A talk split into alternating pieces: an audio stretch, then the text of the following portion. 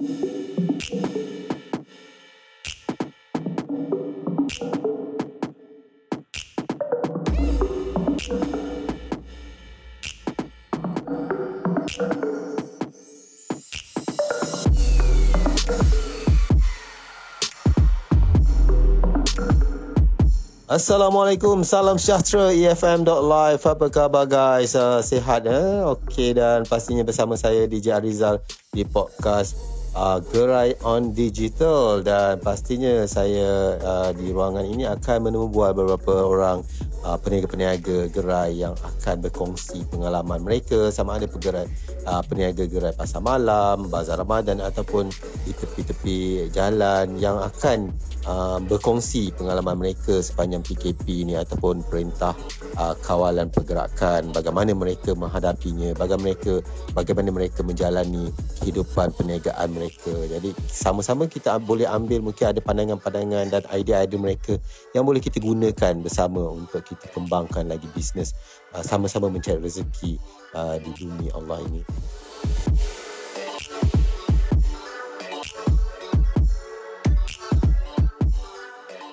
Alright dan uh, bersama saya seorang lagi usahawan peniaga uh, mikro peniaga gerai iaitu Encik Rosman bin Muhammad Mayidin uh, peniaga uh, mem, uh, apa peniaga dan menjual uh, tahu bergedil berapi apa khabar man Ah, kau baik. Alhamdulillah. DJ Azizal ya?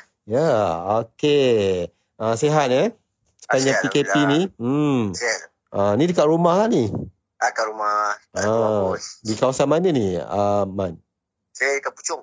Puchong. Okey, Man cuba cerita sikit dengan pendengar-pendengar EFM ni. Man uh, dah berniaga berapa lama dan berniaga di mana? Oh, okey. Saya berniaga dalam, uh, dalam setahun lah.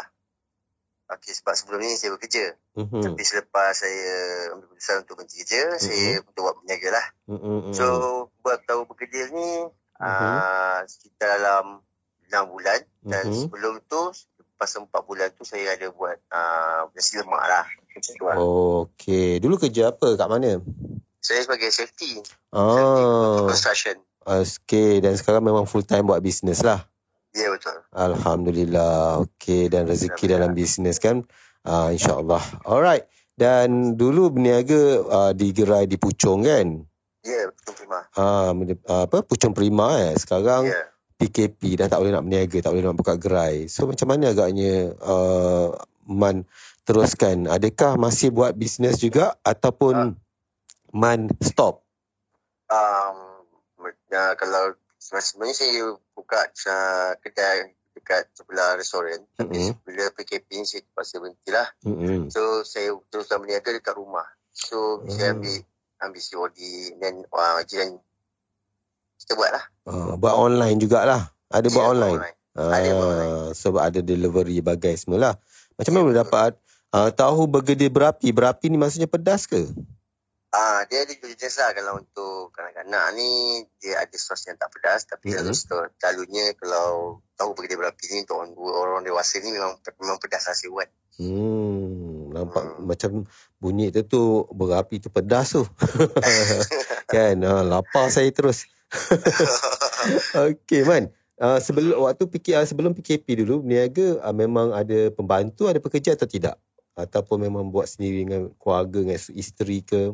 Ah, saya dengan isteri saya je. Oh, dengan isteri lah. Jadi bila dah Hmm. PKP pun masih lagi buat kerja uh, buat dengan isteri lah. Tak ada nak menggajikan orang luar apa semua kan? Ah, tak ada sama je buat sama je. Hmm. Okey, uh, macam mana pula dengan uh, pendapatan sebelum pastinya berbeza kan? Sebelum dan selepas waktu PKP ni. Berapa Hmm, agaknya agak-agaran waktu sebelum uh, PKP dengan yang sekarang ni? Jauh tak bezanya? Ah, jauh sangat je. Hmm. Sangat jauh. Hmm, dan dia je- jejaskanlah saya punya perbelanjaan. Mm-mm. Banyaknya saya kena sekat. Mm-mm. Ah, tapi kalau daripada segi perbezaan dia kalau dalam sebulan tu adalah jejak adalah dia sekitar uh, 2000 macam tu lah. Mm-mm. Dan sekarang Dan sekarang ni terlalu kurang, kurang sangat. kurang sangat kan? Ya. So jadi apa uh, yang uh, Man lakukan? Mengecilkan uh, expenses ataupun mengecilkan uh, perkara-perkara yang tidak perlu atau macam mana? Hmm, saya dahulukan benda yang keperluan Mm-mm. daripada yang kemauan. Betul. Kan? Yalah Hmm. sekarang ni semua orang dah kena buat calculation balik. Kena saya tengok memang sebagai usahawan kita kena tengok balik uh, listkan balik semula apa yang keperluan, apa kemahuan, apa yang penting, apa yang uh, apa uh, ke, kedua penting kan supaya kita Ya, betul. dapat menyusun balik uh, menyusun balik kita punya orang kata strategi bisnes tu sendiri. Ya. Hmm. Okey dan uh, saya nak tanya dengan Man mungkin Man boleh kongsikan jugalah uh, dari Hmm. segi uh, perancangan Man untuk jikalah PKP ni dilanjutkan lagi apakah perancangan Man untuk terus sustain terus ber, berniaga sebab kadang-kadang ada orang ni dah give up bisnes Ya, kan betul. bila bila, Mhm. bila dia dah alamak dah tak boleh dah lagi nak nak teruskan ni macam mana pula dengan Man Bagi saya pen- pendapat saya lah kalau Mm-mm. ada uh, orang cakap apa cara yang macam uh, macam orang cakap apa belanja pasar malam box ni ataupun dari segi online Mm-mm. um, akan ada lah yang mesti boleh meneruskan kehidupan dia walaupun ada sikit yang terjejas Mm-mm. tapi masih boleh meneruskan lah. Hmm. So kalau yang online ni banyak membantu lah. Hmm. Sebelum ni pernah gunakan online juga ke atau dia, bila PKP dia terpaksa belajar online, terpaksa belajar uh, media sosial ni atau macam mana? Uh, saya start dah berniaga tu sebab saya dah tahu ada food panda Hmm. semua. So saya memang buat, buat SSM sendiri and then saya Mm-mm. terus uh, buatlah dengan food panda and then food panda ada datang dengan kita ambil juga dengan kita. Hmm. Hmm. So memang sebelum ni pun memang Man dah biasalah dengan online dengan media sosial ni lah kan? Ah, jadi kalau saya ni kurang lah cuma kalau yang bahagian untuk online semua ni selalu wife lah yang akan bantu yang dia akan yang Bantu. jaga semua tu lah. Ha, yalah sebab ada peniaga kadang tak pernah pun gunakan media sosial sebagai uh, orang kata perantara ataupun medium untuk marketing. Tapi bila PKP ni mereka terpaksa belajar macam mana nak buat Ya, betul. uh, marketing secara online. Kan? Kesian kadang-kadang ni. Uh, nak teruskan hid- apa perniagaan nak teruskan kehidupan seperti biasa bukan mu- mudah. Benda ni kena belajar benda yang baru. Jadi semua orang terkesan dengan apa yang berlaku ni kan ya, betul. Hmm, okey. Dan nak tanya pandangan Man. Uh, Man salah seorang daripada uh, peniaga mikro yang menyertai uh, gerai on digital ni iaitu salah satu projek EFM Pasar Malam Box dan juga Ramadan ataupun Iftar Box ni kan. Apa pandangan uh, Man tentang inisiatif daripada EFM, Radio EFM ni sendiri? Hmm, ni kelas saya, saya beritahu memang sangat bagus. Hmm, Alhamdulillah. Ah, Alhamdulillah sangat Mm-mm. bagus. Sebab apa orang tak perlu keluar ya, ya, dalam, dalam musim sekarang yang orang cakap Mm-mm.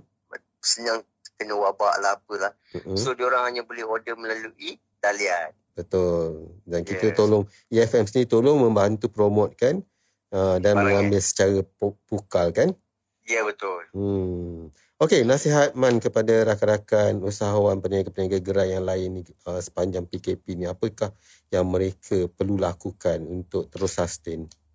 Okey, nasihat saya kepada peniaga-peniaga yang di luar sana lah. Mm-mm. Okey, teruskan usaha. Okey, ah jangan putus asa. Mm-mm. So yang penting kebersihan kena Mm-mm. jaga. Betul? Lepas tu ah ikut apa arahan yang ditujukan pada kita. Mm-mm. Ah uh, mencakap kita dalam keadaan selamat.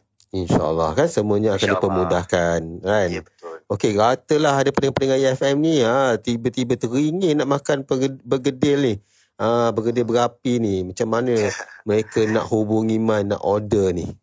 Okey, ah boleh ma- apa masuk dalam dalam Facebook. Mm-mm. Okey, Facebook saya mudah. Saya tak ada yang orang cakap yang khusus untuk tahu bergedil. Cuma saya akan pas, masuk pada warga pucung. Mm-mm. Saya selalu akan update dalam Facebook. Ah, saya tak ada, okey. ah, saya tak ada Instagram apa dan saya ada letakkan nombor telefon saya dalam Mm-mm. Facebook Mm-mm. dan kat sini pun saya boleh beritahu lah. Ah, Ah, boleh bagi tahu nombor handphonenya berapa untuk WhatsApp. Okey. Kalau untuk WhatsApp saya 0176995963 untuk tahu bergedil berapi. Hmm, boleh order. Ada limit order ke? Uh, order tak ada limit Mhm. tapi kalau order yang banyak Mhm. uh, bolehlah bagi tahu dua hari sebelumnya. Ah, nak buat persiapan kan? Ya, ada betul. adakah uh, Man tetap hanya sekitar 10 km saja ke atau macam mana? Boleh open kepada mana-mana lokasi untuk Okey, penghantaran. ah, dalam musim PKP ni, saya terhadkan lah. Mm-mm. Naik kerja, saya dengan sekitar Puchong ataupun kurang daripada 10 km lah.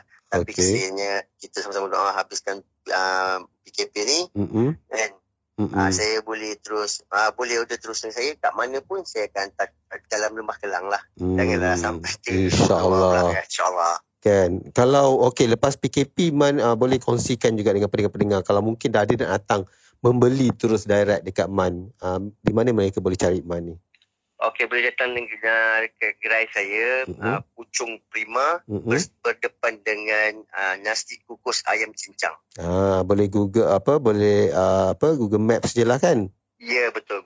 Maps dia. Ah, Okey senang saja Jadi kepada Man uh, Saya ucapkan uh, Terima kasih pada Man Berkongsi dengan kita Sama-sama. pandangan dan saya doakan supaya Man dan isteri terus maju jaya dalam bisnes ni uh, dan Okey. pastikan Amin. kuat semangat sepanjang PKP ni dan kita doakan sama-sama uh, COVID-19 ni akan uh, apa orang kata akan berakhir dengan segera uh, supaya kita boleh sama-sama menjalani kehidupan seperti biasa insyaallah.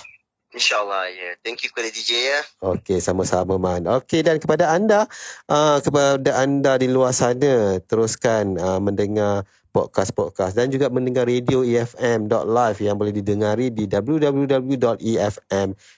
Kita ke udara 24 jam sehari, 7 hari seminggu dan pastinya kita banyak uh, apa ni uh, terdapat banyak uh, rancangan-rancangan ataupun segmen-segmen yang menarik khusus untuk peniaga-peniaga ataupun usahawan dan juga yang bukan usahawan usahawan pendengar-pendengar pendengar apa pengguna pun boleh mendengar mendapatkan lebih banyak info dan kepada anda di luar sana pastikan menjaga keselamatan kesihatan anda stay at home dan kita jaga kita. Terima kasih sekali lagi teruskan bersama kami hanya di fm.live for entrepreneurs by entrepreneurs.